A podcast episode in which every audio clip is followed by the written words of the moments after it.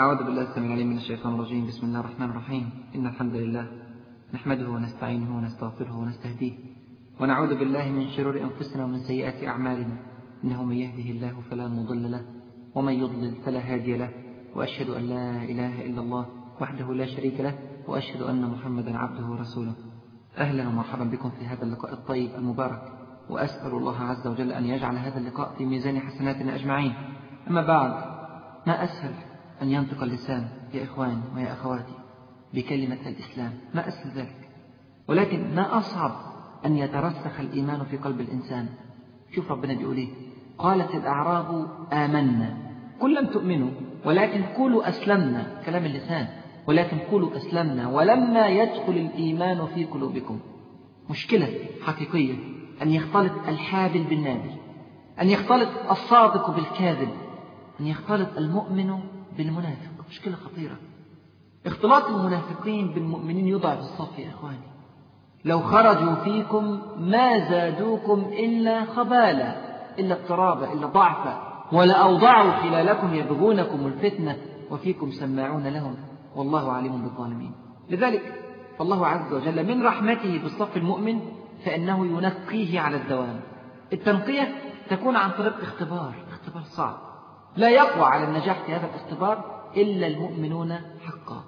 سبحانه وتعالى يقول في كتابه الكريم ألف لام ميم أحسب الناس خلي بالك من طريقة الكلمات من سياق الآية.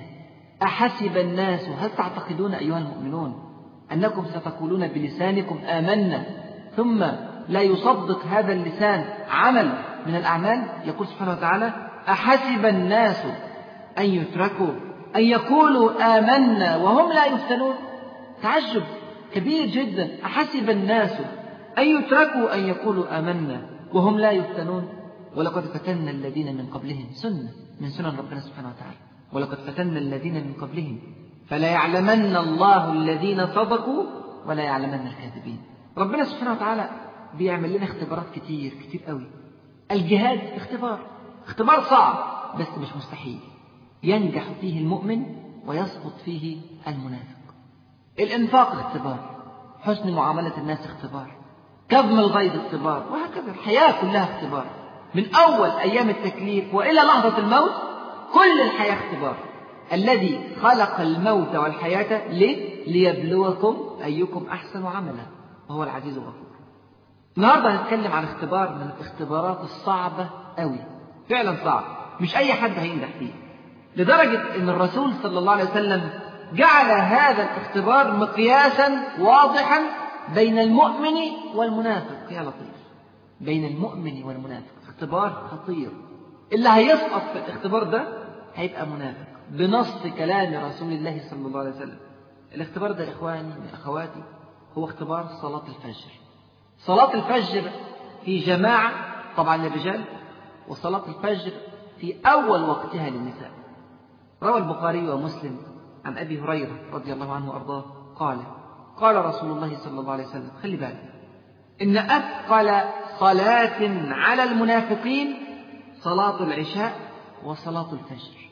إن أثقل صلاة على المنافقين صلاة العشاء وصلاة الفجر. ولو يعلمون ما فيهما أي لو يعلمون ما فيهما من الأجر ولو يعلمون ما فيهما لأتوهما ولو حبوا ولو حبوا تخيل نفسك إن أنت مش قادر تمشي أصلا مكسح رجلك مكسرة. وليس هناك من يعينك على المشي وليس هناك من يعينك على الذهاب إلى صلاة الفجر في المسجد. تروح حبوا تذهب تحبو كالأطفال. ليه؟ لأنك عارف كمية الخير التي في هذه الصلاة. ذنب ضخم جدا جدا جدا. أن يتخلف مسلم مؤمن عن صلاة الفجر في جماعة أو عن صلاة العشاء في جماعة. طيب هو وقت الصبح يا إخواني ويا أخواتي وقت الصبح ده إمتى؟ وقت الصبح ما بين طلوع الفجر وما بين شروق الشمس. واحد كان جاي يقول لي إن سمع في برنامج من البرامج إن وقت الصبح لحد الظهر ما يدن سبحان الله. أمال يعني العملية مفتوحة لحد الظهر فين الاختبار بقى؟ فين؟ العملية كلها ركعتين. لكن الوقت يا أخي ينتهي بشروق الشمس. هذا الوقت القليل المحدود الصعب. وهو فعلا صعب. ومقصود أنه هو يكون صعب روى مسلم عن عبد الله بن عمرو بن العاص رضي الله عنهما قال قال رسول الله صلى الله عليه وسلم وقت صلاة الصبح من طلوع الفجر ما لم تطلع الشمس. كلام في منتهى الوضوح والأصعب من كده يا إخواني أن اختبار النفاق من الإيمان لا يكتفي بمجرد أن تدرك الصبح في بيتك. لا لابد أن تدرك الجماعة في المسجد كما قال صلى الله عليه وسلم. صعب؟ أيوة صعب. أنا عارف أنه صعب ومقصود أنه يكون صعب لأنه اختبار خطير والنتيجة خطيرة زي ما قلنا.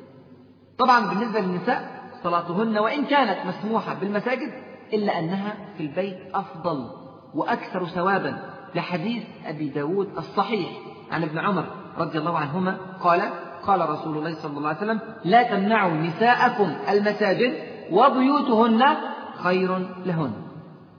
طيب للأسف الشديد يا إخوان للأسف الشديد فعلا إن مشكلة ضياع الفجر مشكلة شديدة الشيوع في أوساط المسلمين رجالا ونساء ولا حول ولا قوة إلا بالله. أنا مش بعقد لكم الدنيا أبدا. أنا بتكلم عن حقائق في شرع الله عز وجل. بتكلم عن نصوص محكمة يا إخوان ليس فيها لبس. بتكلم عن إجماع العلماء ما فيش فيه اختلاف. واحد بيقول بس أنا فعلا مش بقدر. بالنسبة لي مستحيل. أقول له مش موافق معاك. مستحيل يكون في حقك مستحيل. تعالوا كده نفكر سوا. أولا يقول الله عز وجل في كتابه لا يكلف الله نفسا إلا وسعها. طيب صلاة الصبح في هذا التوقيت تكليف ولا مش تكليف؟ تكليف. فرض ولا مش فرض؟ فرض. على كل المؤمنين ولا على طائفة معينة من المؤمنين؟ على كل المؤمنين. طيب جاوب بصراحة. الله عز وجل يعلم الوسع أو لا يعلمه. يقينا يعلمه. طبعا لو قلت غير كده مشكلة خطيرة. يقينا يعلم الوسع ومع ذلك كلفك بصلاة الصبح في هذا التوقيت. يبقى ما ينفعش عقلا ولا شرعا لمسلم يؤمن بحكمة الله عز وجل وبعلم الله وبعدل الله أن يدعي أنه لا يستطيع تنفيذ تكليف من تكاليف الله عز وجل. دي أول حاجة. الحاجة الثانية بعض المشاهدات الأمريكية. ناس مش مسلمين. كنت عايش هناك فترة. كنت أروح صلاة الفجر في المسجد أرجع منها الساعة 6 الصبح. أجد الطريق السريع ال highway بتاعهم. الطريق السريع. مليان عربيات عن آخره. الساعة 6 الصبح.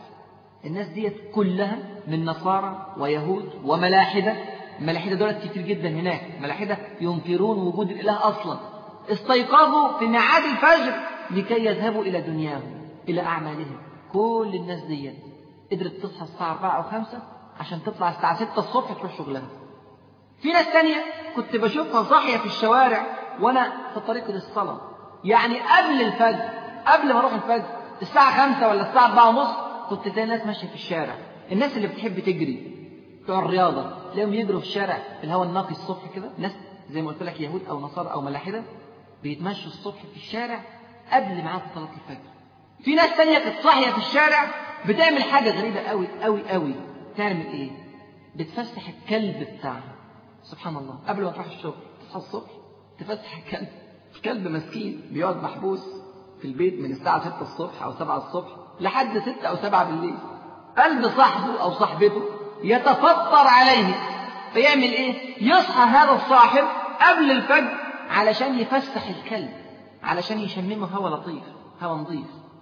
الأمريكي نصراني كان أو يهودي أو ملحد بيصحى قبل الفجر علشان الكلب وبعض المسلمين أو كتير من المسلمين.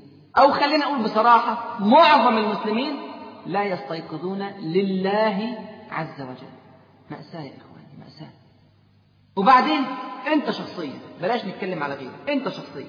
يا ترى لو عندك ميعاد طيار أو قطر الساعة 6 الصبح هتقدر تصحى وتروح في الميعاد ولا إمكانياتك البشرية مش هتسمح يا ترى لو ظروف عملك بتضطرك إنك تصحى الساعة 4 أو 5 الصبح هتقدر تقوم ولا هتعتذر كل يوم لرئيسك في العمل وتقول له والله ظروفي صعبة ما أقدرش ولا أقول لك قول لي بصراحة يا ترى لو حد هيدي لك 1000 جنيه الصبح في ميعاد الفجر يوميا لمدة سنة هتصحى ولا لا؟ هتصحى عشان تاخد ال 1000 جنيه ولا مش هتصحى؟ طيب قلنا إن أنت هتصحى هيكون معاك 365 ألف جنيه في آخر السنة. افرض في آخر السنة مت. يا ترى أحسن تموت وأنت سايب وراك 365 ألف جنيه ومش معاك ولا صلاة فجر في قبرك ولا إنك تموت ومش معاك ولا جنيه ومعاك 365 صلاة فجر في القبر معاك. فكر بصدق وجاوب بصدق. يا ترى هتصحى للفلوس ولا هتصحى للفجر؟ الرسول يا إخواني كان عارف إنه صعب علينا صلاة الصبح في موعدها كان عارف إن الإخوة والأخوات الرجال والنساء صعب عليهم. علشان كده سبحان الله كان ليه أسلوب تربوي رائع في تحفيز المسلمين على هذه الصلاة المحورية الخطيرة اللي بتفرق الصادقين من المنافقين. كان بيعمل إيه صلى الله عليه وسلم؟ إدى خصائص هامة فريدة لصلاة الصبح لترغيب المسلمين في هذه الصلاة العظيمة الهامة. خصائص هامة جدا. خلي بالكم. الخاصية الأولى. تعظيم الأجر جدا لمن صلى الصبح في جماعة. طبعا فين؟ في المسجد. على سبيل المثال قال من صلى العشاء في جماعة فكأنما قام نصف الليل. ومن صلى الصبح في جماعة فكأنما صلى الليل كله. يا الله. تقدر تصلي الليل كله؟ عندك فرصة تاخد نفس الأجر بصلاة العشاء والفجر في جماعة لكنك قايم طول الليل تصلي. سألت الإخوة المصلين في ليلة 27 رمضان وأثناء صلاة التهجد وكان ما شاء الله العدد كبير والقيام طويل ساعات كثيرة متتالية مجهود كبير جدا. سألتهم يا ترى قيام ليلة القدر بكاملها أفضل ولا صلاة الفجر في جماعة في شهر صفر أو رجب أو شوال أو أي شهر غير رمضان؟ يا ترى أيهما أثقل في الميزان؟ أيهما أهم؟ أيهما لو فاتك تحزن أكثر؟ أيهما لو فاتك تلام من الله أكثر؟ ها جاوب. تقدر تصلي عشرين ركعة سنة للظهر من غير ما تصلي الفرض؟ لا ينفعش طبعا. مش كده ولا إيه؟ ما تقرب إلي عبدي بشيء أحب إلي مما افترضت عليه. وما يزال عبدي يتقرب إلي بالنوافل حتى أحبه. يبقى الأول الفروض وبعدين تيجي النوافل. يا ترى لو عرفت إن ليلة القدر كانت ليلة كذا وأنت الليلة دي كنت نايم هتزعل ولا مش هتزعل؟ هتزعل. أمال ليه ما بتزعلش على صلاة الفجر اللي هي أهم من ليلة القدر. لأن صلاة الفجر إيه؟ فرض. وليلة القدر إيه؟ ليلة القدر بكاملها سنة. صلاة الفجر في أي يوم من أيام السنة فرض. أما ليه الناس يا إخواني بتتكالب على ليلة القدر؟ بتملى الجامع والشوارع اللي حوالين الجامع وبعدين سبحان الله تيجي تلاقي الفجر في غير رمضان صف أو صفين بالكتير. ليه يا إخواني كده؟ ليه؟ الناس مش فاهمة. هذا غياب حقيقي للفهم يا إخوان يا أخي في الله ليلة القدر هدية من الله عز وجل لمن حافظ على الفروض لمن حافظ على صلاة الفجر وغيرها من الفروض. العبادة يا إخواني مش مقامرة. معقولة أروح أعبد ربنا سبحانه وتعالى يوم أو عشر أيام وأعمل حسنات زي اللي بقاله سنة كاملة بيصحى في عز البرد وفي عز التعب وفي عز الشغل علشان يصلي ربنا؟ طيب في خير إيه تاني في صلاة الفجر؟ في خير عظيم قوي قوي أنتوا عارفين يا إخواني يوم القيامة هتكون الظلمة شديدة جدا. عارفين طبعا الشمس تكور والنجوم تنكدر. خلاص مفيش نور. وبالذات على الصراط. ويحتاج الناس إلى النور للجواد على الصراط. والصراط صعب. المرور على الصراط صعب يا إخواني صعب. طيب المؤمنين هيجيبوا النور ده منين؟ النور بتاع يوم القيامة. حاجات كتير جدا جدا عملوها في الدنيا. ربنا سبحانه وتعالى وعدهم بالنور. شوف كده الحديث بتاع رسول الله صلى الله عليه وسلم. حديث منتهى الروعة يقول بشر المشائين. المشائين يعني إيه؟ يعني اللي بيمشوا كتير قوي. بشر المشائين في الظلم. الظلم يعني صلاة العشاء وصلاة الفجر. بشر المشائين في الظلم إلى المساجد يعني مش في البيت بالنور التام يوم القيامة. النور التام النور الذي لا ينزع عند الصراط. ليه؟ لأنهم نجحوا في اختبار الدنيا فوقاهم الله عز وجل من السقوط في النار يوم القيامة. حتى سبحان الله تلاقي الرسول صلى الله عليه وسلم بيعلمك ذكر خاص تقوله وانت رايح صلاة الفجر وانت ماشي في الضلمة. وانت فاكر الضلمة بتاعت يوم القيامة؟ الرسول صلى الله عليه وسلم بيعلمك ذكر تقوله وانت رايح صلاة الفجر في الضلمة تقول إيه؟ تقول اللهم اجعل في قلبي نورا وفي لساني نورا واجعل في سمعي نورا واجعل في بصري نورا واجعل من خلفي نورا ومن أمامي نورا واجعل من فوقي نورا ومن تحتي نورا. اللهم أعطني نورا. كمان في إيه خير تاني في صلاة الفجر. وعد صريح بالجنة. من صلى البردين دخل الجنة. البردان هما الصبح والعصر. في أكتر من كده؟ أيوة في أكتر من كده. سبحان الله. هو في إيه أكتر من الجنة؟ رؤية الله عز وجل في الجنة. اسمع كده إلى حديث رسول الله صلى الله عليه وسلم. هذا حديث البخاري ومسلم. عن جرير بن عبد الله رضي الله عنه يقول كنا جلوسا عند النبي صلى الله عليه وسلم إذ نظر إلى القمر ليلة البدر. قال إنكم سترون ربكم كما ترون هذا القمر لا تضامون في رؤيته. فإن استطعتم وخلي بالك بيديك وسيلة توصل بها إلى هذه الرؤية. فإن استطعتم ألا تغلبوا على صلاة قبل طلوع الشمس وصلاة قبل غروب الشمس فافعلوا. يا الله. ادي صلاة الفجر وصلاة العصر. ولسه في ناس بتنام في صلاة الفجر. سبحان الله. يبقى أول خاصية تعظيم الثواب إلى أقصى درجة. الخاصية الثانية هي الشق الثاني من المسألة. ضياع الفجر. مش بس ضياع الأجر لا. ضياع الفجر عذاب وعذاب شديد. شوف الرسول صلى الله عليه وسلم بيحكي للصحابة رؤية. طبعا رؤيا الأنبياء حق. يقول إنه أتاني الليلة آتيان. الآتيان دول في آخر الرؤيا بيفسر جبريل وميكائيل. وإنهما ابتعثان وإنهما قال لي انطلق وإني انطلقت معهما وإنا أتينا. يبتدي يوصف لهم راجل بيتعذب وإنا أتينا على رجل مضجع راجل نايم. وإذا آخر وفي رواية ملك قائم عليه بصخرة. واحد واقف على راسه بصخرة وعمال يضرب راس الراجل اللي نايم بالصخرة. وإذا هو يهوي بالصخرة لرأسه فيسلغ رأسه يعني يشق رأسه يشدخ رأسه فيتدهده الحجر يتدحرج إلى بعيد. فيأخذه فلا يرجع إليه حتى يصح رأسه كما كان. يرجع الرأس يلتئم من جديد ويجي الملك من جديد يضربه تاني على رأسه ثم يعود عليه فيفعل به مثل ما فعل المرة الأولى. يقول الرسول صلى الله عليه وسلم الرسول انزعج انزعاج شديد. قال قلت لهما سبحان الله ما هذا؟ قال انطلق انطلق. وبعدين مر على مشاهد كثيرة وفي الآخر بيفسروا له اللي شافه إيه حكاية الراجل ده؟ قال له أما الرجل الأول الذي أتيت عليه يسلغ رأسه بالحجر فإنه الرجل يأخذ القرآن فيرفضه. يأخذ حكم الله عز وجل فيرفضه. وينام عن الصلاة المكتوبة. آه ده موضوعنا. وينام عن الصلاة المكتوبة. إيه هي الصلاة اللي إحنا بننام عليها؟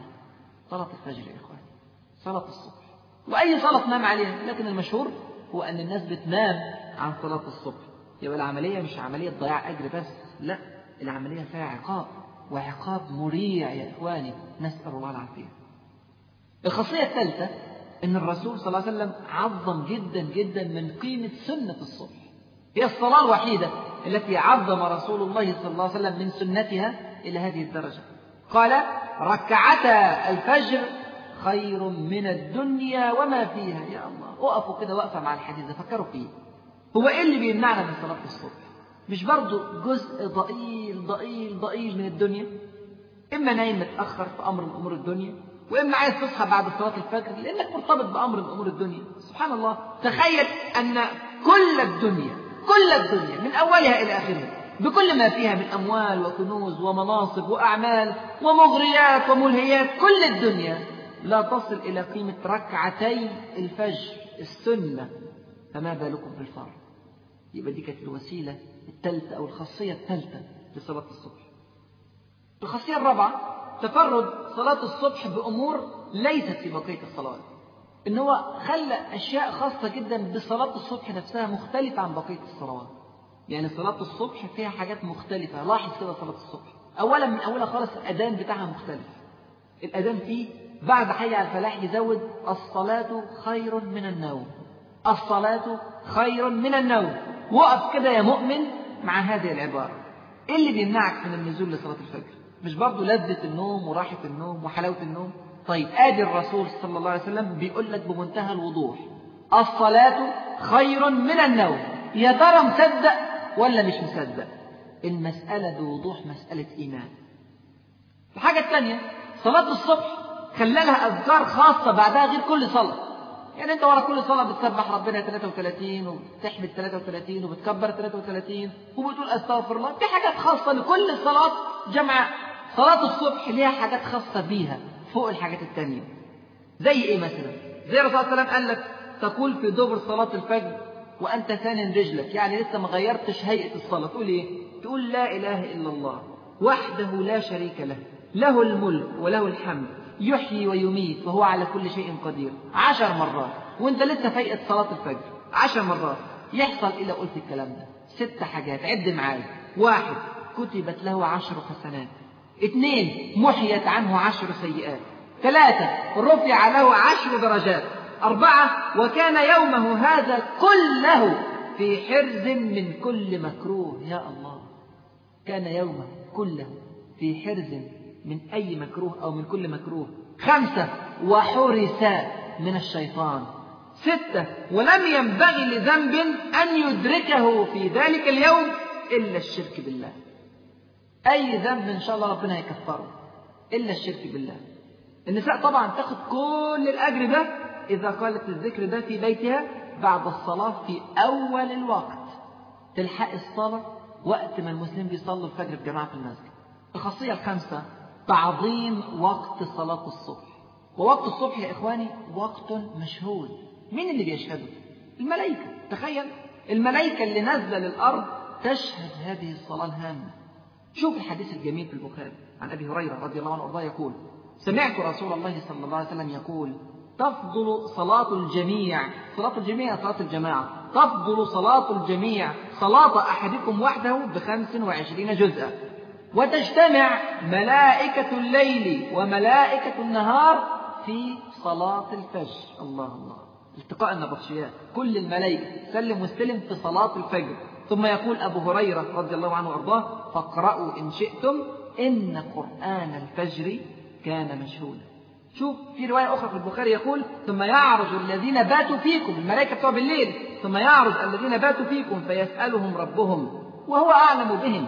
يقول كيف تركتم عبادي؟ خلي بالك بيقولوا إيه؟ فيقولون تركناهم وهم يصلون وأتيناهم وهم يصلون. الله. مش برضو أحسن أن الملائكة تذكرك عند الله عز وجل بأنك من المصلين؟ تشهد لك أنك كنت تصلي الصبح في جماعة؟ مش برضو أحسن ما تقول يا رب فلان كان نايم كان غافل كان عنده مشاكل تانية أهم فما جاش يصلي صلاة الفجر؟ مش أحسن برضو؟ نراجع نفسينا. الخاصية السادسة أنت إذا صليت الصبح فأنت في حفظ الله ورعايته سائر اليوم. الله. حاجة في منتهى الروعة في أحسن من كده. تشعر في يومك كله أنك في حماية الله عز وجل.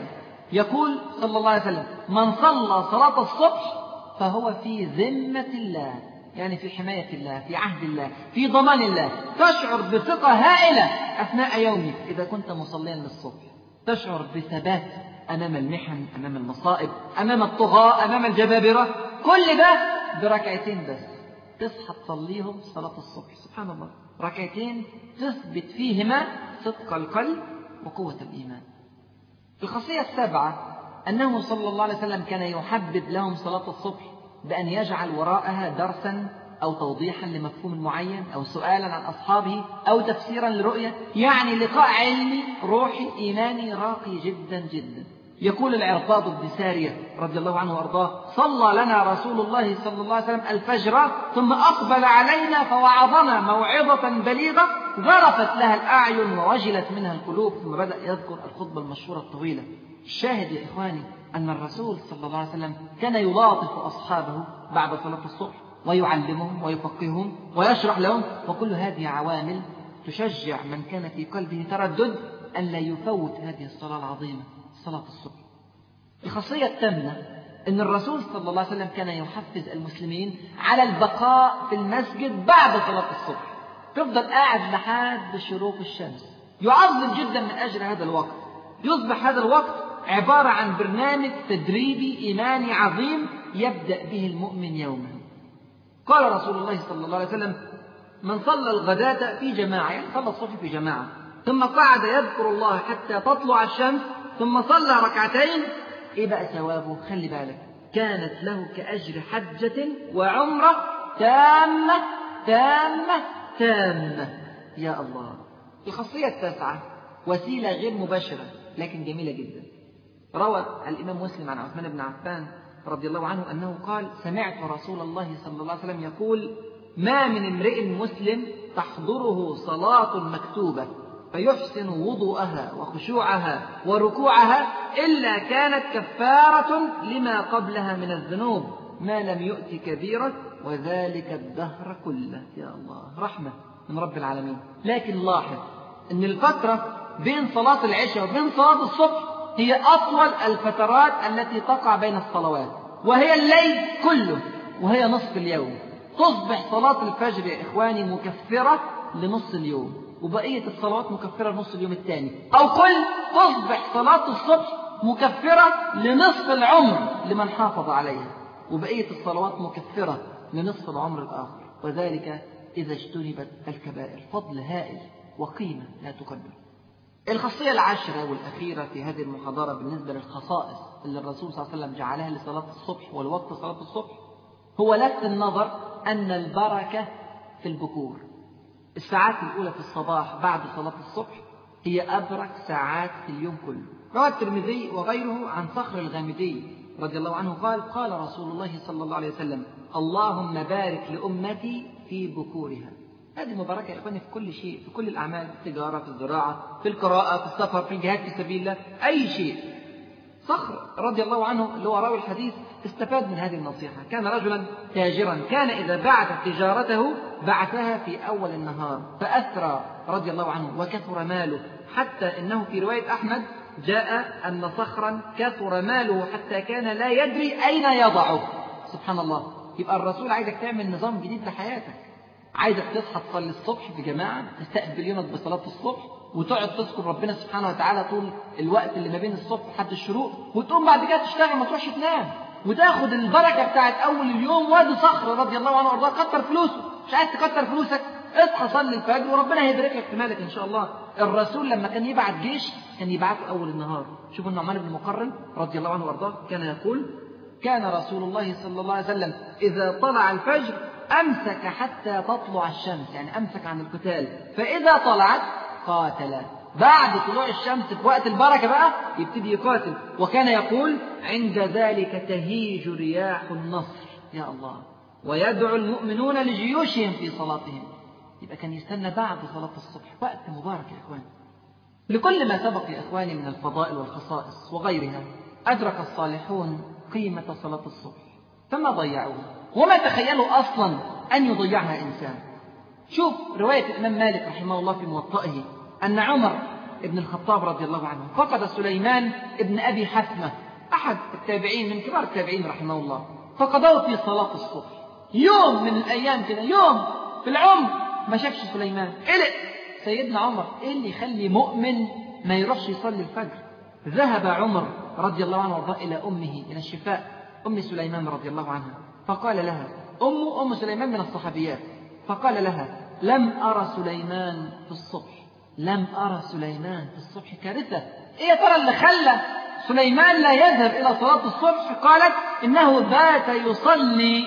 قاعد طول الليل يصلي قيام الليل. فغلبته عيناه. ما كانش قاعد قدام التلفزيون يا إخواني. ما عذروش سيدنا عمر. قال لئن أشهد صلاة الصبح في جماعة أحب إلي من أن أقوم ليلة بكاملها. سبحان الله. بيعة عمر بن الخطاب للخلافة كانت في صلاة الصبح. تخيلوا الصديق توفى مساء ودفن مساء وفي صلاة الفجر من اليوم الثاني بويع عمر بن الخطاب للخلافة. يعني إيه؟ يعني كبار رجال الدولة والأمراء والوزراء وأهل الحل والعقد ومن بيده الأمر كل دولة كانوا يصلون الفجر في جماعة.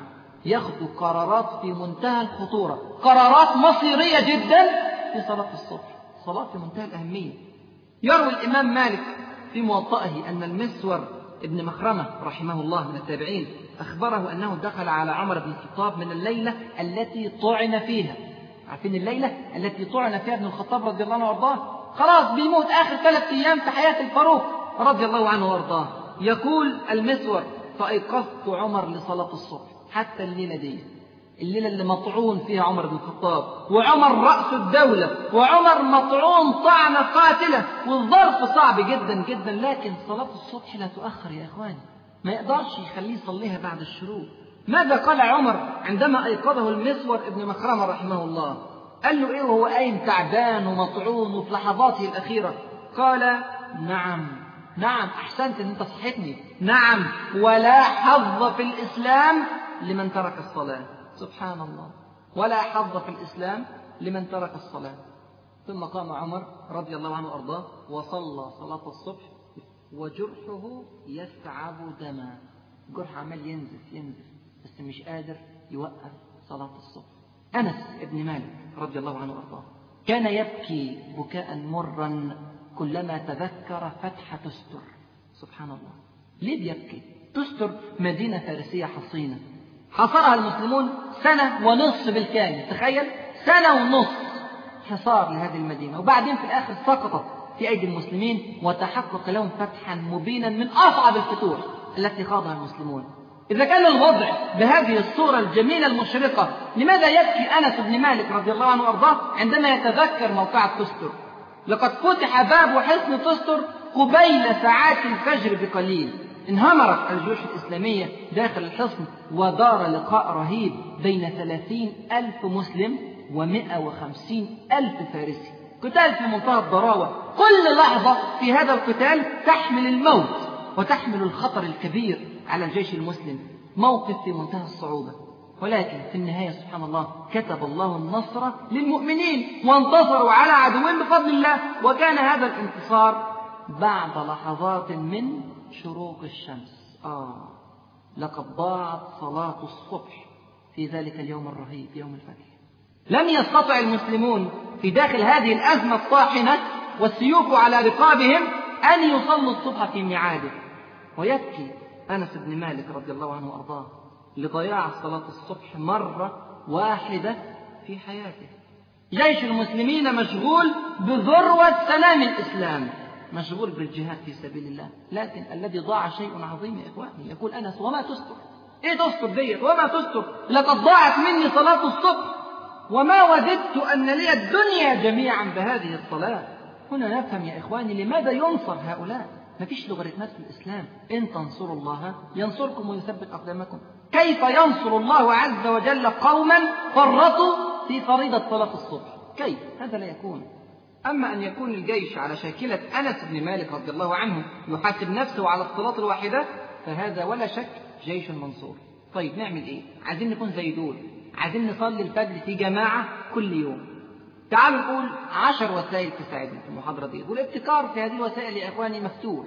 أي حد عنده وسيلة صحيح يتوكل على الله عز وجل وينصح بها إخوانه. الوسيلة الأولى الإخلاص التام لله عز وجل. صعب جدا إن واحد مش مخلص لله إنه يحافظ على صلاة الفجر. ده أصلا صلاة الفجر اختبار لاكتشاف المخلصين. الإخلاص ده تكون إنك مستعد تضحي بأي شيء بأي شيء في سبيل إنك ترضي ربنا سبحانه وتعالى. تضحي بمال تضحي بجهد تضحي بعلاقات تضحي بعمل تضحي بحياتك كلها علشان ربنا سبحانه وتعالى. ضياع صلاة الفجر يا إخواني ويا أخواتي عرض لمرض. مش هو المرض. لا ده عرض لمرض. المرض هو أنك جعلت الله عز وجل أهون الناظرين إليه. لم تهتم به لم تخلص له لم تأبه بشرعه بأمره لم تخش تحذيره لم تتبع قانونه أو تخضع لشرعه. ومن ثم أضعت صلاة الفجر علامة خطيرة على غياب الإخلاص. وخلي بالكم. الحقيقة يا إخواني الموضوع كبير وفي تفصيلات كثيرة. لكن أشعر أن الوقت يطول بنا. حاول أختصر على قدر الإمكان وأسأل الله عز وجل أن يجمع بيني وبينكم في لقاء آخر نفصل فيه في هذه الوسائل. الوسيلة الثانية العزيمة الصادقة. الأولانية الإخلاص الثانية العزيمة الصادقة. عندي قناعة شخصية إن اللي عايز فعلا يصحى الفجر هيصحى. فعلا. لو تشعر فعلا بقيمة الفجر في جماعة هترتب كل ظروفك إنك تقوم الفجر. شوف ربنا بيقول لي في المنافقين. ولو أرادوا الخروج لأعدوا له عدة ولو أرادوا الخروج لأعدوا له عدة بس هم مش عايزين.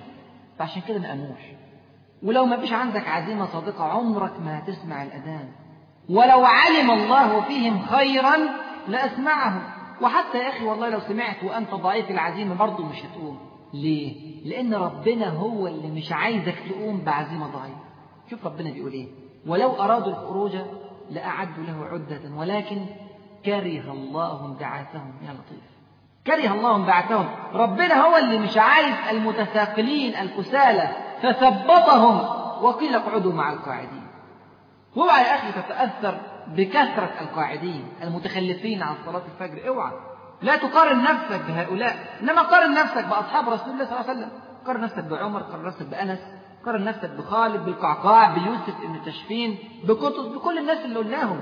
علي همتك وعظم قدوتك وكبر أهدافك كده وضخم طموحاتك واعمل لنفسك ورد محاسبة خاص بصلاة الفجر بس. خليك جاد جدا مع نفسك. ورقة واحدة سجل فيها أيام الشهر كلها. اليوم اللي تصلي فيه الفجر في جماعة علم صح. واليوم اللي يفوتك الفجر في جماعة علم غلط. وشوف آخر الشهر حياتك ماشية صح ولا حياتك ماشية غلط. والحق صلح نفسك. الوسيلة الثالثة تجنب الذنوب ترك الذنوب الفجر يا إخواني ويا أخواتي هدية من الله عز وجل. هذه الهدية لا تعطى إلا للطائعين. أما القلب الذي أشرب حب المعاصي فكيف يستيقظ لصلاة الفجر؟ القلب الذي غطته الذنوب كيف يتأثر بحديث يتكلم عن فضل صلاة الفجر؟ أو كيف يسمع لنداء حي على الصلاة حي على الفلاح الصلاة خير من النوم. ضياع الفجر يا إخواني ويا أخواتي مصيبة مصيبة. وخليكم فاكرين كلام ربنا سبحانه وتعالى وما أصابكم من مصيبة فبما كسبت أيديكم. فتش في حياتك فتش على ذنوب ما زلت مصرا عليها. ذنوب جاية تكون في عينيك جاية تكون في لسانك في علاقاتك بالناس في علاقاتك بأبويك. ذنوب في القلب كبر عجب حسد غضب رياء أي شيء. فتش ولا تستصغرن ذنبا من الذنوب. من عارف؟ مجاز هو ده اللي أقعدك عن صلاة الفجر. إياكم ومحقرات الذنوب فإنهن يجتمعن على الرجل حتى يهلكنا سئل الحسن البصري رحمه الله لماذا لا نستطيع أن نقوم الليل؟ بيتكلموا على قيام الليل يا إخوان مش على صلاة الصبح قيام الليل. قال أقعدتكم ذنوبكم. كتر الذنوب ربنا سبحانه وتعالى عايز اللي يصلي ليه كل إنسان نقي طاهر تائب نائب إلى الله عز وجل بسرعة. يتوبون من قريب. نسأل الله عز وجل لنا ولكم المغفرة. الوسيلة الرابعة الدعاء. وسيلة في غاية الأهمية. اعمل لنفسك ورد يومي تدعو الله فيه بإخلاص أن يمن عليك بصلاة الفجر في جماعة. اوعى تستهين بالوسيلة دي. هو مين اللي بيصحينا للفجر أو لغيره؟ مين؟ هو ربنا سبحانه وتعالى. بل قل من الذي يبعثك من نومك؟ أقول يبعثك من نومك. أصل النوم يا إخواني نوع من الموت. واليقظة كالبعث. شوف ربنا بيقول في الكتاب الله يتوفى الأنفس حين موتها والتي لم تمت في منامها فيمسك التي قضى عليها الموت. دي ما ترجعش تاني دي خلاص ماتت. ويرسل الأخرى إلى أجل مسمى. إن في ذلك لآيات لقوم يتفكرون. يبقى ندعي ربنا سبحانه وتعالى الذي يمسك بأرواحنا أن يرسلها على صلاة الفجر أو قبل صلاة الفجر. الأربع وسائل دولت أساسيين يا إخواني ويا أخواتي. ما ينفعش إنك تسيبهم. الإخلاص والعزيمة والتوبة إلى الله عز وجل والدعاء دي حاجات ما فيهاش فصال حط فيها بقى اللي أنت عايزه لكن ما ينفعش تشيل منهم واحدة. الوسيلة الخامسة الصحبة الصالحة. برضه وسيلة في غاية الأهمية. الطاعة على الإنسان الوحيد صعب. شوف الرسول بيقول إيه؟ عليكم بالجماعة وإياكم والفرقة. فإن الشيطان مع الواحد وهو من الاثنين أبعد. كلام في منتهى الوضوح وفي منتهى العمق. شوف مين أصحابك. يا ترى لما بتشوفهم بيفكروك بصلاة الفجر؟ بيفكروك بالقرآن؟ بيفكروك بغض البصر؟ بيفكروك ببر الوالدين؟ بيفكروك بربنا سبحانه وتعالى؟ ولا مش هم دول أصحابك؟ لو كان أصحابك ما لهمش هم غير اللهو واللعب والوقت الضايع والحياة التافهة والمعاصي والذنوب يبقى الحق نفسك. حاول تدعوهم إلى الله عز وجل ولكن أنجب بنفسك يا أخي. دور على الصحبة الصالحة وخليك فاكر. المرء على دين خليله فلينظر أحدكم من يخالف الوسيلة السادسة النوم بطريقة رسول الله صلى الله عليه وسلم. أول حاجة النوم مبكرا. النوم مبكرا مش عيب أبدا. أنا مش عارف مين اللي دخل في أذهاننا إن الأطفال بس هم اللي بيناموا بدري. سبحان الله. ربنا سبحانه وتعالى بيطفي النور في الدنيا كلها علشان ننام بالليل. سبحان الله. وإحنا برضه مصرين نصحى الله الذي جعل لكم الليل لتسكنوا فيه والنهار مبصرا هي دي سنة ربنا في الأرض. الناس اللي عايشة للدنيا وعملت دراسات علشان تستغل الدنيا أفضل استغلال وصلت للحقائق اللي ربنا سبحانه وتعالى قالها في القرآن والرسول صلى الله عليه وسلم علمها لنا من عشرات القرون.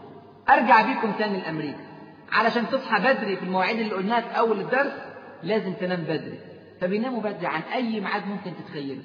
صعب جدا إنك تمشي في الشارع. الساعة 9 بالليل وتلاقي حد ماشي في الشارع. خلاص الناس كلها نامت. 8 8 ونص 9 بالكثير الكلام ده انعكس على حياتهم نظام وحيوية ونشاط وإنتاج وتقدم حضاري. أنا مش بقول الكلام ده عشان أنا مبهور بالنظام اللي عندهم لأ. أنا بقول الكلام ده عشان أنا متحسر على كتير من المسلمين اللي مش فاهمين الكنز اللي ربنا سبحانه وتعالى سايبه لنا في القرآن وفي السنة. اللي بيعمله الأمريكان واليابانيون والصينيون وغيرهم من أهل الأرض هو ده الإسلام يا إخوان. وجدت إسلاما ولم أرى مسلمين. وبعدين أنت هتسهر ليه؟ هتتفرج على التلفزيون؟ غالبا هتاخد شوية سيئات وذنوب هيضيعوا عليك الفجر. هتذاكر؟ المذاكرة الصبح بعد الفجر لحد الساعة 8 ده أفضل وقت ممكن تذاكر فيه. ده كلام العلماء مش كلامي. واللي هتذاكره بالليل في ساعتين هتذاكره الصبح في نص ساعة. هتسهر عشان بتزور حد؟ يا أخي أنت لو مش عايز تقوم الفجر مش عايز تقوم بدري حرام تخلي غيرك يسهر. سيبه يروح الفجر. إحنا محتاجين نغير نظام حياتنا كله. ما عندناش وقت نضيعه في كلام فارغ. إحنا آه ممكن نعمل شوية لهو مباح لكن خليكم فاكرين نحن أمة جادة فيها شيء من اللهو المباح ولسنا أمة لاهية فيها شيء من الجد القليل. خلي بالكم. يبقى أول نصيحة بخصوص النوم إننا ننام بدري على قد ما نقدر. الحاجة الثانية الرسول صلى الله عليه وسلم كان يتوضأ قبل ما ينام وكان ينام على الشق الأيمن على جنبه اليمين. ويقول أذكار النوم. أذكار النوم دي كتيرة جدا وليس المجال لذكر أذكار النوم بكاملها. لكن أنا هقول لك حاجة واحدة مهمة أوي أوي. إنك تقرأ آية الكرسي قبل ما تنام. الرسول صلى الله عليه وسلم قال أن من قرأ آية الكرسي قبل أن ينام لن يزال عليك من الله حافظ ولا يقربك شيطان حتى تصبح. مش هو الشيطان ده اللي بيبعد عن صلاة الفجر؟ خلاص ربنا بيحفظك من الشيطان. بآية الكرسي. وأذكار النوم كثيرة. وعودوا إليها في كتب الأذكار. برضو بخصوص موضوع النوم حاول تعرف كل الناس نظامك. عرف أصحابك وقرايبك ومعارفك إنك بتنام بدري. يبقى خلاص مفيش زيارات مفيش تليفونات مفيش محمول. بعد الساعة 10 مثلا أو 11 حسب ما تحدد لنفسك. ونظامك ده يا أخي والله مش حاجة تكسب. عمر النظام الإسلامي ما كان يكسب. اللي المفروض يتكسب هو اللي بيخالف النظام الإسلامي. يبقى النوم مبكرا النوم على وضوء النوم على الجانب الأيمن أذكار النوم وأعلم الناس بنظامك الجديد. الوسيلة السبعة وسيلة شرعية وصحية تماما تماما لا يختلف على أهميتها طبيبان لا تأكل كثيرا قبل النوم. الأصل طبعا ألا نأكل كثيرا طول فترات اليوم. هي دي السنة النبوية. لكن عايزين نركز قوي إننا ما ناكلش كتير قبل ما ننام. العقل بتاعنا يا إخواني ويا أخواتي مسكين كميات الأكل الكبيرة تسحب الدماء من كل الجسم ومن العقل أيضا. تسحب هذه الدماء إلى المعدة وإلى الأمعاء لهضم الكميات الهائلة من الأطعمة. العقل اللي الدم انسحب منه بيبقى في شبه غيبوبة مش بيقدر يقوم الفجر معذور لأن أنت اديته أكل أكثر من طاقته. وطبعا الأكل الكتير قبل النوم بيعمل برضه كوابيس وأحلام مزعجة ناس بتجري وراك وحوش بتاكلك مأمور ضرايب تعابين سحالي حاجات كتير جدا. تقعد في قلق واضطراب لحد فين فين على الفجر؟ عايز تنام شوية بقى. فيروح الفجر. لذلك يقول أحد الصالحين تأكل كثيرا تنام كثيرا يفوتك خير كثير. هو طبعا يقصد يفوتك خير كتير يفوتك قيام الليل. لكن طبعا ما كانش يقصد صلاة الفجر. ما كانوش يتخيلوا إن واحد ممكن ما يصليش الفجر. يبقى دي كانت الوسيلة السبعة للمساعدة على الاستيقاظ لصلاة الفجر. الوسيلة الثامنة وسيلة مبتكرة ولطيفة ومفيدة على أكثر من مستوى. حتى مفيدة لمن حافظ بالفعل على صلاة الفجر ولو سنين. الوسيلة ديت هي مذكرات فضائل الفجر. يعني إيه مذكرات فضائل الفجر؟ عبارة عن 20 أو 30 ورقة كرتون اعملهم أنت في البيت. يا ريت الورق ده يكون ملون بألوان فسفورية واضحة كده أصفر أخضر سماوي. ألوان تكون ظاهرة وواضحة. كل ورقة حجمها يكون كبير نسبيا. اكتب في كل واحدة منها بخط جميل وخط واضح حديث من أحاديث رسول الله صلى الله عليه وسلم التي تحض على صلاة الفجر. يعني مثلا ورقة اكتب عليها لن يلج النار أحد صلى قبل طلوع الشمس وقبل غروبها. واحدة تانية بشر المشائين في الظلم إلى المساجد بالنور التام يوم القيامة وهكذا. عشرين أو ثلاثين ورقة. كل أسبوع طلع ورقتين ورقتين بس. حطهم في الأوضة بتاعتك في مكان ظاهر بحيث تشوف الورق كويس. بكده هتضرب أكتر من عصفور بحجر. أولا هتشجع نفسك إنك تصحى الفجر. كل يوم بتشوف هذه الأحاديث وبتفكر نفسك في الأجر. الحاجة الثانية الناس اللي بقالها سنين بتصلي الفجر ممكن تكون نسيت الثواب الضخم اللي في صلاة الفجر وأصبح الأمر عندها عادة. تفرق كتير قوي إنك تقوم عادة وتقوم عشان أنت مشتاق إلى ثواب صلاة الفجر. الحاجة الثالثة ممكن غيرك يشوف الحديث ده في أوضتك ممكن أهلك أولادك إخواتك والدك والدتك أي حد ممكن يشوف الحديث فيتذكر صلاة الفجر وكله في ميزان حسناتك في الآخر. الوسيلة التاسعة الأجراس الثلاثة. ثلاث أجراس إيه هم الثلاث أجراس أول واحد طبعا مشهور المنبه. وخلي بالك أضبط المنبه على أول ميعاد الفجر. بلاش تفاؤل أكتر من اللازم. ما تقولش يعني إن شاء الله النهاردة بقى هقوم الليل كمان وتضبط المنبه قبل الفجر بنص ساعة أو بعشر دقايق. فتصحى فتلاقي لسه في وقت فتقوم قافل المنبه وقايل ليه هريح خمس دقايق. خلي بالك هم دول أخطر خمس دقايق في حياتك. الخمس دقايق دول هيكونوا السبب في ضياع فرض ربنا سبحانه وتعالى. خليك واقعي. لو انت بتصحى بالعافية على الفجر بلاش من الأول تفترض أنك هتقدر تصلي قيام الليل. لا خد نفسك بالتدرج واعلم أن هذا الدين متين فأوغلوا فيه برفق كمان في موضوع المنبه حطه بعيد عن إيديك. خليه بعيد بمسافة بحيث ما تعرفش تقفله إلا لما تقوم تمشي عشان تقفله. ساعتها بقى لو قمت مشيت وقفلت يبقى انت إيه؟ مع سبق الإصرار والترصد. يبقى ده موضوع تاني. لكن إن شاء الله كده تضمن إنك أنت إيه؟ إنك تقوم من النوم. يبقى ده أول جرس وجرس مهم جدا جدا المنبه. الجرس الثاني التليفون. اتفق مع حد من أصحابك اللي بيصحى كل يوم في الفجر إنه يتصل بيك ويصحيك. أو اللي يصحى فيكم الأول يصحي الثاني اتفق كمان معاه إنه ما يقفلش السماعة إلا بعد ما يتأكد إنك صحيت. يعني يعمل معاك حوار حوار ولو قصير جدا بس يضمن إنك ما تقفلش السماعة وترجع تنام تاني. بعدين خلي عليك واجب إنك أنت كمان تصحي واحد تاني. مجرد أن تستيقظ تعرف إن عليك مسؤولية إيقاظ فلان. هذه المسؤولية ستدفعك إن شاء الله إلى القيام. يبقى الجرس الثاني جرس التليفون. الجرس الثالث هو ما عادش فيه غير جرس واحد جرس الباب. واحد معاك في العمارة أو واحد معاك في الحي. أنت عارف إنه بيصحى الفجر خليه يعدي عليك يصحيك. طبعا لازم تعرف البيت عشان ما يحصلش إزعاج في البيت. يبقى الاستعانة بالاجراس الثلاثة ستعين إن شاء الله على الاستيقاظ لصلاة الفجر. الوسيلة العاشرة والأخيرة في هذه المحاضرة وليست الأخيرة من وسائل المحافظة على صلاة الفجر هي أن تدعو غيرك إلى صلاة الفجر. الترس الذي يعمل يا إخواني ويا أخواتي لا يصدق الإنسان اللي كل يوم بيفكر غيره بالفجر إزاي ممكن هو ينسى الفجر؟ وابدأ أول ما تبدأ ابدأ بأهلك ابدأ بأولادك وزوجتك وإخوانك ووالديك. إذا كنت أنت بتلاقي صعوبة في صلاة الفجر مفيش داعي هم يمروا بكل التجربة اللي أنت مريت فيها قبل كده. فكرهم دايما بالفجر وساعدهم عليه.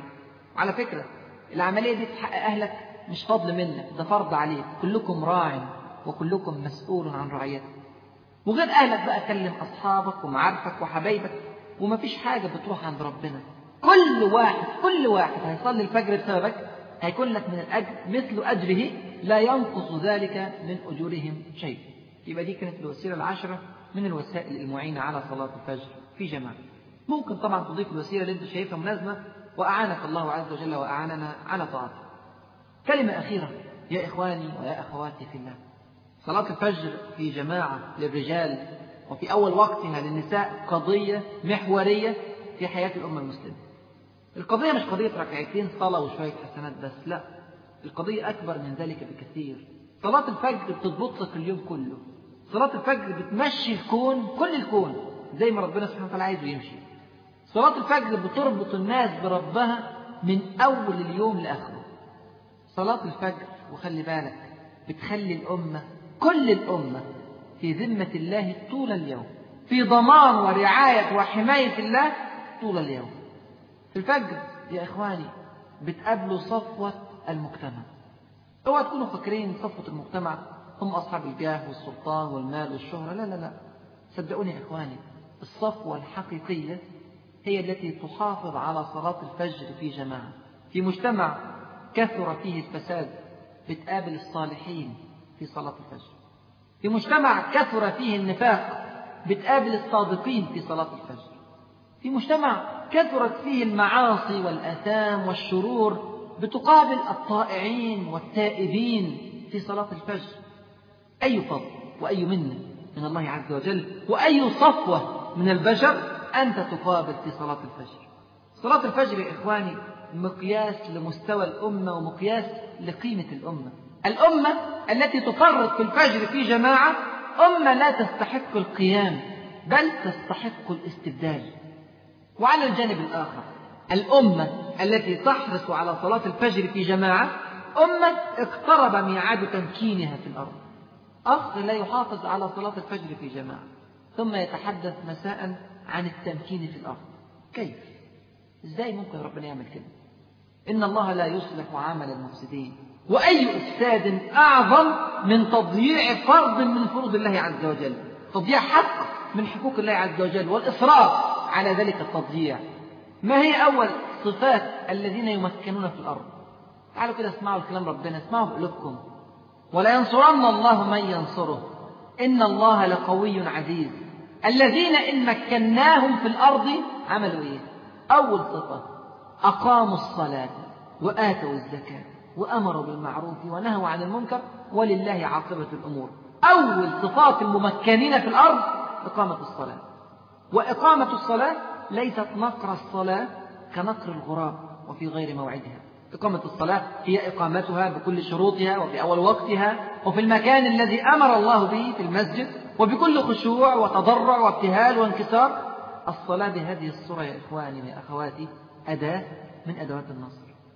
كلكم عارفين الكلمة اللي قالها أحد المسؤولين اليهود من أنه لا يخاف من أمة الإسلام إلا في حالة واحدة وهي أن يصل عدد من يصلون الفجر في جماعة كعدد الذين يصلون الجمعة في جماعة. سواء بقى كان هذه الكلمة قالها فعلا مسؤول يهودي أو لم يقلها فالجملة صحيحة.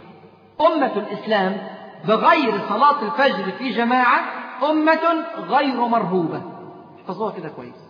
لا يستقيم لأمة تطلب العزة والكرامة والنصرة أن تفرط في هذه الصلاة. ملحوظة غريبة جدا وهامة لاحظتها في سورة الإسراء. خلي بالك لم يأتي طلب النصرة إلا بعد الحديث عن الفجر. يعني إيه؟ اسمع كده القرآن وتدبر. قال سبحانه وتعالى في سورة الإسراء أقم الصلاة لدلوك الشمس إلى غسق الليل وقرآن الفجر. إن قرآن الفجر كان مشهودا. يبقى إقامة الصلاة وركز قوي على إيه؟ على صلاة الفجر. وقرآن الفجر مقصود بقرآن الفجر صلاة الفجر. وعبر عنها في القرآن لأن قراءة الفجر تكون طويلة عادة. وقرآن الفجر. إن قرآن الفجر كان مشهودا. وبعدين الحاجة اللي وراها ومن الليل فتهجد به نافلة لك عسى أن يبعثك ربك مقاما محمودا. يبقى مع الفجر قيام الليل أو قبل الفجر قيام الليل وبعدين بعد ما عملت الاثنين دولت تعال اطلب بقى. يقول إيه؟ وقل رب أدخلني مدخل صدق وأخرجني مخرج صدق واجعل لي من لدنك سلطانا نصيرا. وقل جاء الحق وزهق الباطل إن الباطل كان زهوقا. آيات عجيبة والله يا إخواني سبحان الله. لا يأتي طلب السلطان النصير من الله عز وجل ولا يأتي مجيء الحق وإزهاق الباطل وتمكين دين الله عز وجل في الأرض. لا يأتي كل ذلك إلا بعد إقامة الصلاة وبالذات صلاة الفجر وقرآن الفجر وإلا بعد قيام الليل كما قال ومن الليل فتهجد به نافلة لك هذه هي أدوات النصر في الإسلام. صلاح الدين الأيوبي رحمه الله اهتم أول ما اهتم بصلاة الفجر وتحفيز الناس على صلاتها في المسجد. الجيش الذي يصلي الفجر في جماعة هو الجيش الذي ينتصر على الصليبيين أو غيرهم من أعداء الأمة. طبعا صلاح الدين يا إخواني مش درويش واقف في الجامع وسائب إعداد الجيوش. لا لا, لا. هو واخد بكل الأسباب المادية من إعداد وتدريب وسلاح وخطة وحشد للجنود واختيار للتوقيت وعقد الأحلاف وتوحيد الصفوف واخد بكل الأسباب المادية. لكن في نفس الوقت عارف إنه مش ممكن هينتصر إلا إذا كان ربنا معاه. وإزاي ربنا ممكن يكون معاه وهو بيضيع صلاة الفجر؟ يبقى لازم يرتبط بربنا قبل ما يتوقع النصر. ولا ينصرن الله من ينصره. وسبحان الله يا إخواني يا أخواتي. راجعوا القرآن سبحان الله. كنز والله. تغيير الله عز وجل لواقع الأرض من الظلم إلى العدل ومن الفساد إلى الصلاح يكون دائما في الصبح. يا سبحان الله. سبحان الله حاجة غريبة جدا. ملحوظة في القرآن الكريم. إشارة إلى أن هذا الوقت الشريف وقت الصبح ده وقت تغيير. اوعى تكون نايم فيه. اسمع كده. شوف إهلاك قوم لوط. كان إمتى؟ إن موعدهم الصبح. أليس الصبح بقريب؟ شوف إهلاك عاد قوم هود تدمر كل شيء بأمر ربها فأصبحوا لا يرى إلا مساكنهم. ثمود وأخذ الذين ظلموا الصيحة فأصبحوا في ديارهم جاثمين. إلى آخر الآيات وهكذا في كل الأنبياء والمرسلين. حتى رسول الله صلى الله عليه وسلم كان يقول إن إذا نزلنا بساحة قوم فساء فساء إيه؟ فساء صباح المنذرين. هو ده وقت التغيير ووقت الجهاد ووقت التمكين. ربنا سبحانه وتعالى عندما أقسم بالخيول التي تجاهد في سبيل الله ماذا قال؟ قال والعاديات ضبحا فالموريات قدحا فالمغيرات صبحا. فالمغيرات صبحا الخيول التي تغير في الصباح في وقت التغيير. هيفضل الكلام ده صح يا إخواني لحد يوم القيامة؟ أه والله لحد يوم القيامة. هذه من سنن الله عز وجل. إلى اللحظات الأخيرة في عمر الأرض سيكون التغيير والإصلاح والتمكين لأولئك الذين يحافظون على صلاة الفجر في جماعة. تخيلوا شوفوا المعلومة الغريبة دي. نزول المسيح عليه السلام إلى الأرض واستقرار العدل في الأرض سيكون في صلاة الفجر. يا سبحان الله. الجيل الذي يستحق استقبال المسيح عليه السلام جيل يحافظ على صلاة الفجر. شوف كلام الرسول صلى الله عليه وسلم يصف لنا مستقبل الأرض كما جاء في سنن ابن ماجه رحمه الله عن أبي أمامة الباهلي رضي الله عنه وأرضاه. قال إنه لم تكن فتنة في الأرض منذ ذرأ الله ذرية آدم أعظم من فتنة الدجال. أشد فتنة هتيجي على الأرض فتنة الدجال. وإن الله لم يبعث نبيا إلا حذر أمته الدجال. وأنا آخر الأنبياء وأنتم آخر الأمم. يعني لا طلع قبل كده ولا في نبي جاي بعد كده وأنتم آخر الأمم. يبقى يحصل إيه؟ قال صلى الله عليه وسلم وهو خارج فيكم لا محالة. يا رب سلم.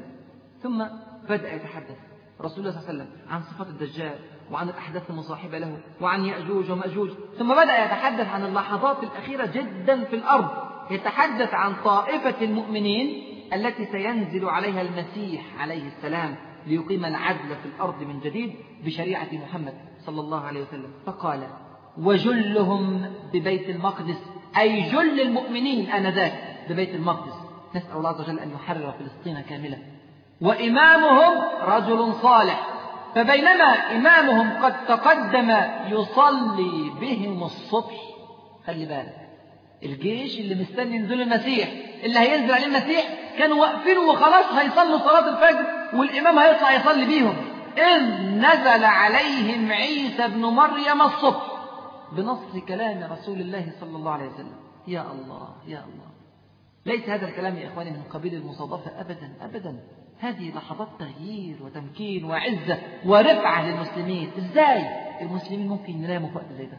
إزاي ممكن واحد يغفل عن صلاة الفجر يفضل نايم في هذا الوقت الشريف؟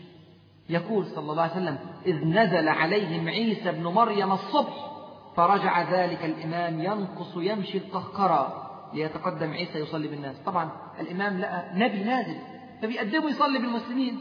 فقال فيضع عيسى يده بين كتفيه ثم يقول له تقدم فصل فإنها لك أقيمت. فيصلي بهم إمامهم. إمامهم من المسلمين وجاء في روايات أخرى من الأحاديث أنه المهدي المنتظر. يا سبحان الله. أبعد هذا هناك من ينام وصلاة الفجر تقام في المسجد؟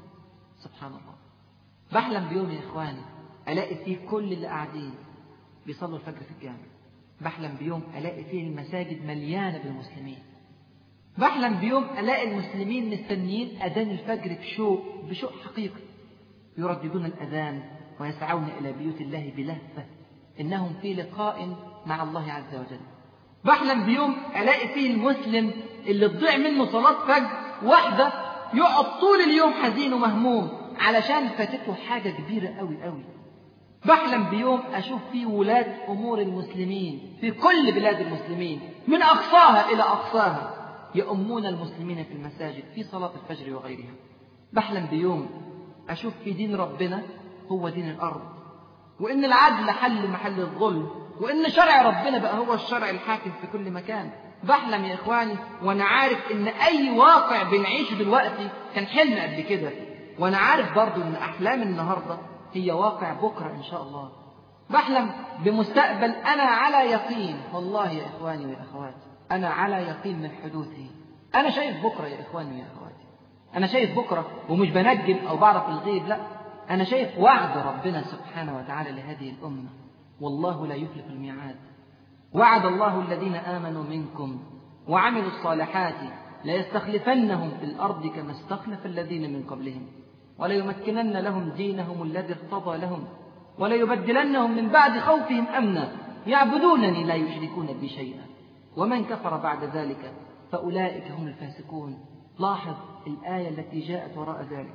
قال وأقيموا الصلاة وآتوا الزكاة وأطيعوا الرسول لعلكم ترحمون. هو ده طريق الاستخلاف. إقامة الصلاة كما أمر الله عز وجل أن تكون. هو ده طريق الاستخلاف والتمكين والأمن في الأرض. نسأل الله عز وجل أن ييسر لأمة الإسلام أمر رشد يعز فيه أهل طاعته ويذل فيه أهل معصيته ويؤمر فيه بالمعروف وينهى فيه عن المنكر.